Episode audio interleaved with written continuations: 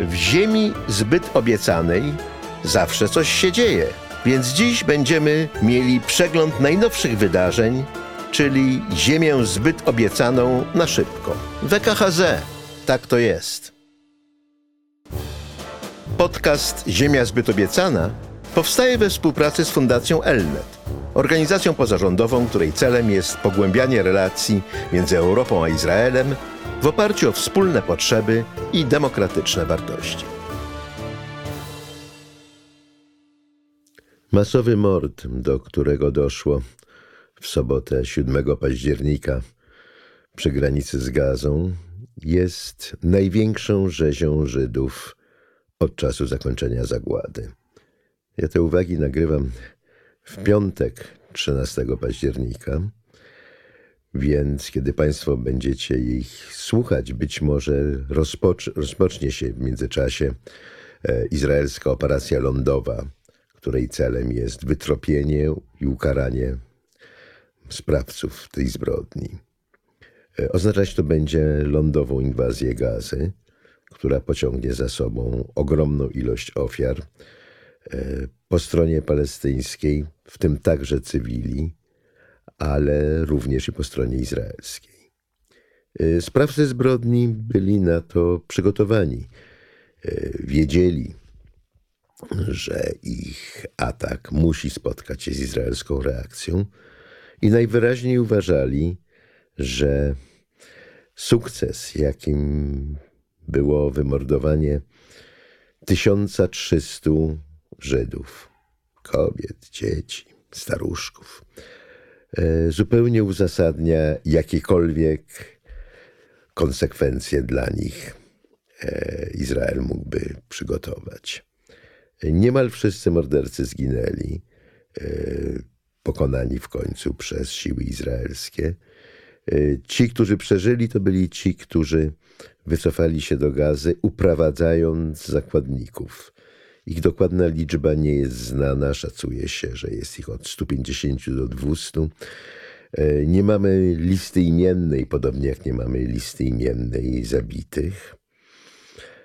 No i nie ma żadnej nadziei, żeby mogli zostać uratowani. Są więzieni gdzieś w gazie e, i albo będą mordowani przez Hamas w daremnej próbie zmuszenia Izraelczyków, by odstąpili od kontrofensywy, albo zginą w tej kontrofensywie. Dlatego też e, telewizja nadała rozmowę z ojcem jednej z dziewczynek, E, które zaginęły po ataku ośmioletniej dziewczynki, który się ucieszył, gdy znaleziono jej martwe ciało, bo to znaczy, że nie będzie, nie będzie umierała w strasznym strachu, uwięziona w kazańskich kazamatach.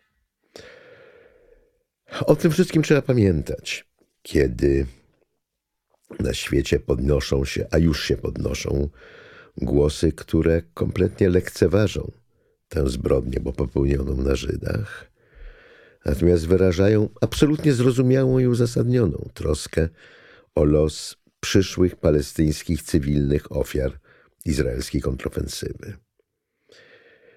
Na całym świecie odbyły się demonstracje solidarności z krzywdzonym narodem palestyńskim.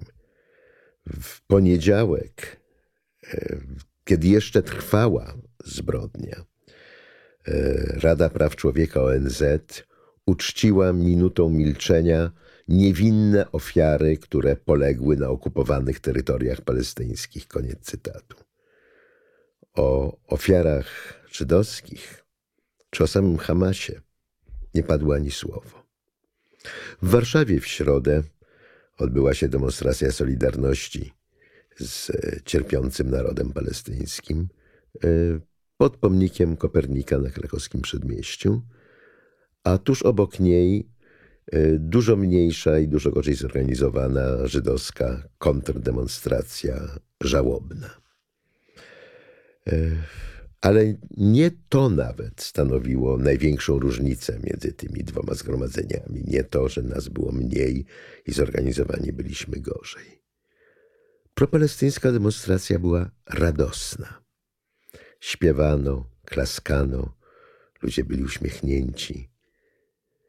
Najwyraźniej mieli co świętować. Nasza demonstracja była żałobna.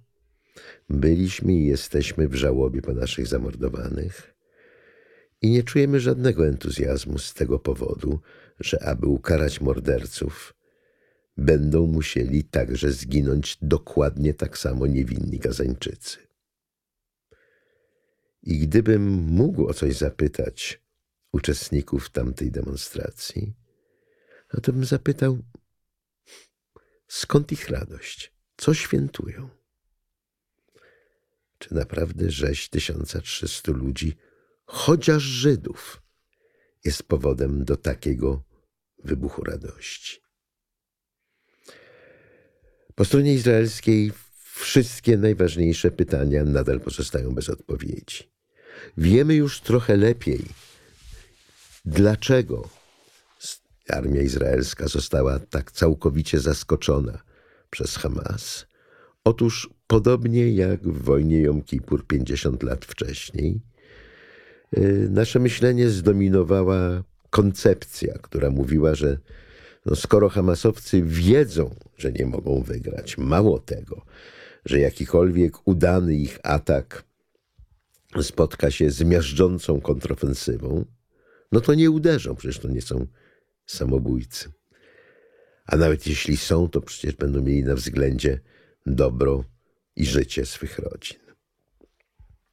Dzisiaj już wiemy, że owo przekonanie podzielane przez najwyższy szczebel polityczny i wojskowy w Izraelu było świadomą operacją dezinformacyjną Hamasu, że przez ostatnich kilka lat e, Hamasowcy, którzy znakomicie namierzyli to, jakie kanały komunikacyjne wewnętrzne są przez wywiad izraelski kontrolowane i podsłuchiwane, na tych kanałach w rozmowach jakoby wewnętrznych powtarzali, że niestety trzeba przynajmniej na razie wyrzec się wojny z Izraelem, bo odwet byłby zbyt miażdżący, a tu trzeba zajmować się gazą.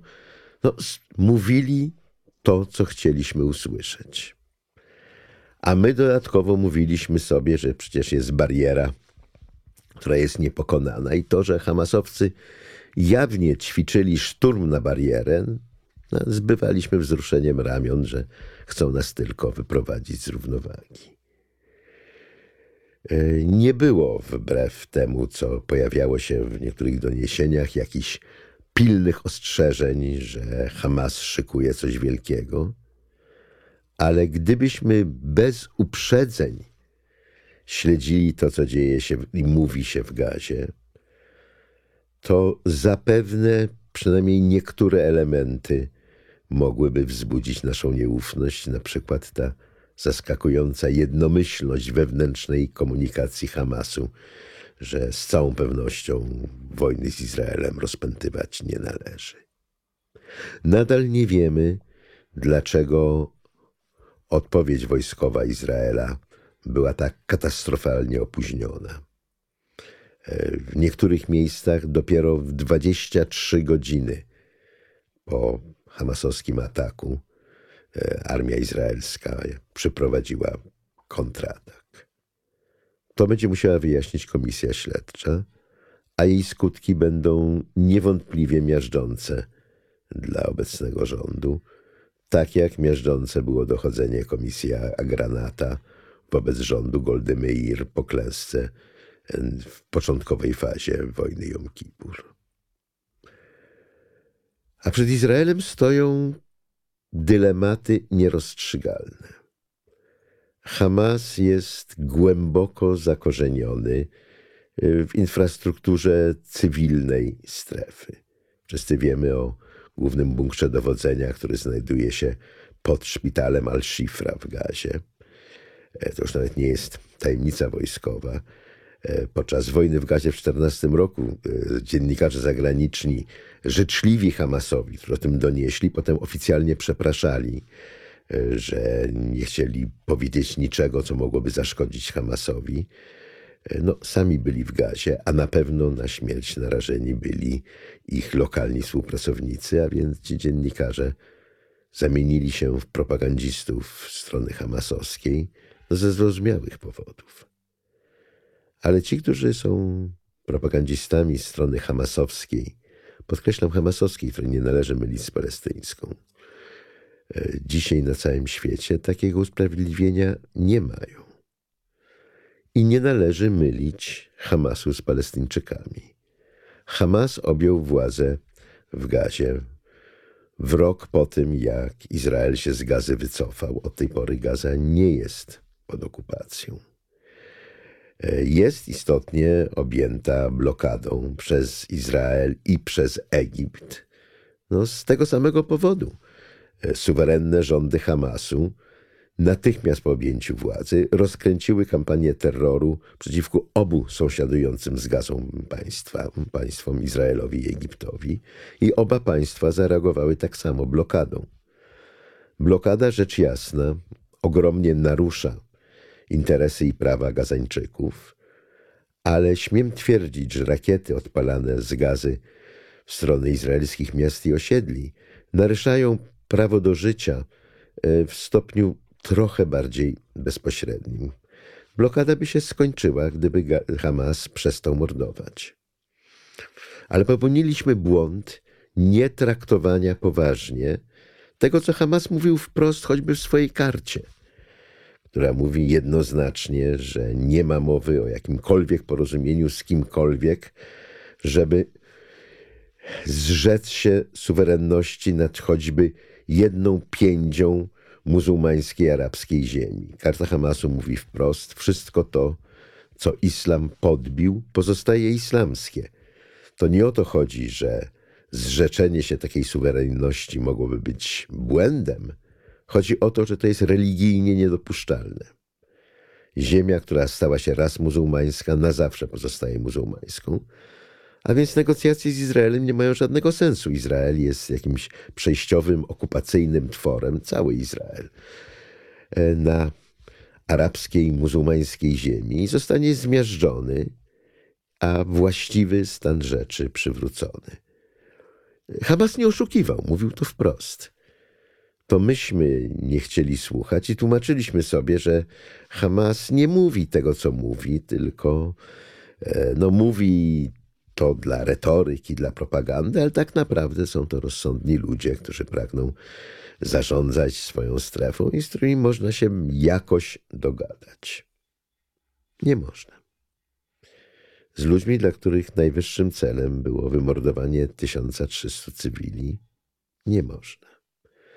Z ludźmi, którzy paradują zgwałconą dziewczynę nagą przez ulicę, filmują to i wrzucają do internetu, nie można.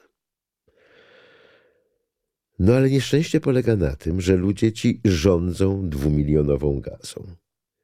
I aby ich zabić, trzeba przebić się przez gazę, tym samym zabijając jej mieszkańców. Hamas posłużył się nimi jako żywymi tarczami. I ci wszyscy, jak zapewne także uczestnicy tej warszawskiej demonstracji, o której wspomniałem, którzy wyrażają z tego powodu oburzenie, są absolutnie w prawie. Tyle tylko, że odstąpienie przed zabijaniem morderców, dlatego że mordercy ci skryli się wśród swojej ludności cywilnej i używają ich jako żywych tarcz, jeżeli by Izrael odstąpił od tej operacji odwetowej, to by znaczyło tylko tyle, że odtąd można że wystarczy wziąć za zakładników choćby własny naród i potem można bezpiecznie mordować innych. Gdyby armia izraelska odstąpiła od tego ataku, oznaczałoby to, że postanowiła bardziej chronić cywili wroga niż cywili własnej ludności. Żaden rząd nie przetrwałby takiego braku odpowiedzialności żadne państwo nie przetrwałoby, gdyby tym się kierowało. No ale ktoś może powiedzieć, w końcu ci Gazańczycy wybrali Hamas w demokratycznych wyborach w 2006. No to ponoszą jakąś część odpowiedzialności. No nie. Demokratyczne wybory w 2006 rzeczywiście wyniosły do władzy Hamas i tu się skończyły demokratyczne wybory. Żadnych demokratycznych wyborów potem w Gazie nie było. W rok później Hamas rozprawił się ze swoją opozycją polityczną, czyli palestyńską nacjonalistyczną partią Fatah, partią Yasera Arafata, zrzucając jej działaczy publicznie z wysokich pięter wieżowców, tak żeby nikt nie miał wątpliwości, czym się kończy sprzeciw wobec Hamasu. Więc Hamas rządzi od tej pory niepodzielnie. E, z dość oczywistych powodów nikt mu się nie sprzeciwia publicznie. I mieszkańcy Gazy nie są odpowiedzialni za zbrodnie morderców, którzy nimi rządzą. Ale trudno, żeby ofiary tych morderców zaakceptowały prawo mordujących, by chronili się za żywymi tarczami. Ale zwycięstwo nad Hamasem, nieuchronne w tej wojnie, niczego nie zmieni. Bo nawet gdy Hamas zostanie pokonany, to ktoś będzie musiał wziąć swoją administrację Gazę. Ponad dwa miliony ludzi, stłoczonych na 370 kilometrach kwadratowych pustynnego piasku, na obszarze, który w normalnych warunkach mógłby wykarmić może 150 tysięcy. Jeżeli zrobi to Izrael, będzie to oznaczało przywrócenie okupacji, zlikwidowanej w 2005, a okupacja wywołuje naturalny i zrozumiały bunt. Przekazanie administracji w Gazie władzom autonomii palestyńskiej byłoby kapitulacją z jednego prostego powodu. Władze autonomii palestyńskiej nie są w stanie nawet kontrolować sytuacji w leżącym 25 kilometrów od Ramalli Dżeninie. Nad sytuacją w gazie nie zapanują.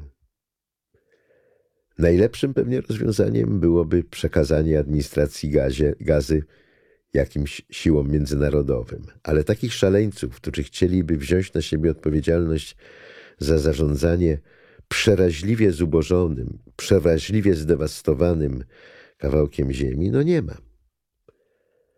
A skąd u Gazańczyków to okrucieństwo? Połowa Gazańczyków ma poniżej 18 lat. Urodzili się już po zakończeniu okupacji, po demokratycznym zwycięstwie Hamasu i po fizycznym rozprawieniu się przez Hamas z okupacją. Znają wyłącznie wojnę z Izraelem. Z ich perspektywy to jacyś niezrozumiali Żydzi, których nigdy normalnie na oczy nie widzieli, bombardują Gazę i zabijają ludzi, no widocznie żyją rządzą mordu. Zaś Hamas tylko broni Gazy. Gdyby nie te rakiety odpalone z gazy, no to ci straszni Żydzi wdarliby się do strefy i mordowaliby na prawo i lewo kobiety, dzieci i starców. Więc kiedy nadarzyła się okazja, by wyrwać się ze strefy i mordować na prawo i lewo kobiety, dzieci i starców, no to ta młodzież nieszczęsna to zrobiła w przekonaniu, że postępuje słusznie. To nie jest problem, który daje się rozwiązać. To jest nieszczęście, którego leczenie zajmie pokolenia. A lekarstwa póki co nie zna nikt.